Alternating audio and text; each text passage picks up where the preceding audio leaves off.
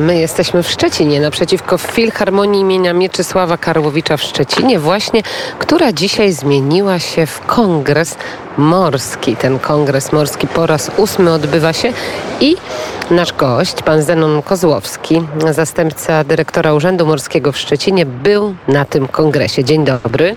E, Dzień dobry Państwu.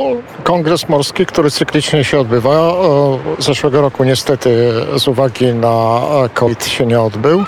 Mamy w tym roku, dobrze, że się udało, bo dosyć ważne problemy są poruszane na tym kongresie.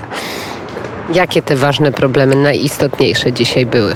No myślę, że takim e, dużym wyzwaniem, który jest omawiany na kongresie, to jest zmiana regulacji w zakresie ochrony środowiska, dokładnej emisyjności powodowanej przez statki, przez żeglugę, przez transport wodny. E, I jakie konkluzje z tego kongresu morskiego, jakie rozwiązania? Ciężko powiedzieć na dzień dzisiejszy, ale na pewno armatorzy, którzy inwestując w nowe statki, stoją przed dużym wyzwaniem w związku z tym, że nie do końca mogą zdefiniować w tej chwili, jakie rodzaje napędu, e, jakie paliwa będą w przyszłości. Część nie ma jeszcze rozwiązań technologicznych, takich, które na szeroką skalę można było wykorzystać, chociażby napęd wodorowy, o którym się zaczyna głośno mówić jako zasadniczym dla żeglugi e, morskiej, dla, e, w ogóle dla panelu wodnego, że tak powiem, transportu. E, Pojawiła się także informacja, że polskie porty będą mogły e, inwestować, że będą mogły rozwijać się e, za granicą. Jak pan tę informację przyjął? E, No myślę, e, że to jest pytanie dla zarządów portu, bo na pewno e, mają duże pole do popisu, jeżeli chodzi o wo- wolumen towarów transportowanych i z Polski i do Polski. Jeżeli będą miały wolne moce przerobowe, to jak najbardziej należy prowadzić ekspansję i pozyskiwać towary i ładunki również poza portami polskimi. Najważniejsze wyzwanie stojące przed Urzędem Morskim dzisiaj?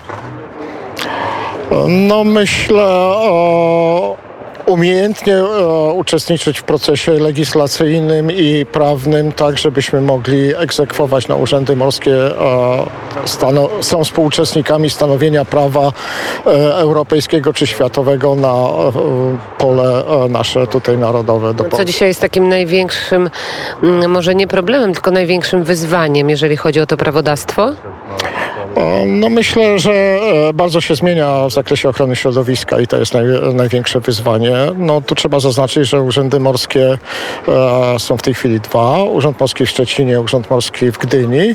Są również dużymi inwestorami. Wyzwaniem dla urzędów e, jest prowadzenie inwestycji pozwalającej na rozwój portów, bo cały e, infrastruktura dostępu do portów leży po stronie administracji morskiej. I to najważniejsze e, zadanie, które Państwo dziś realizują?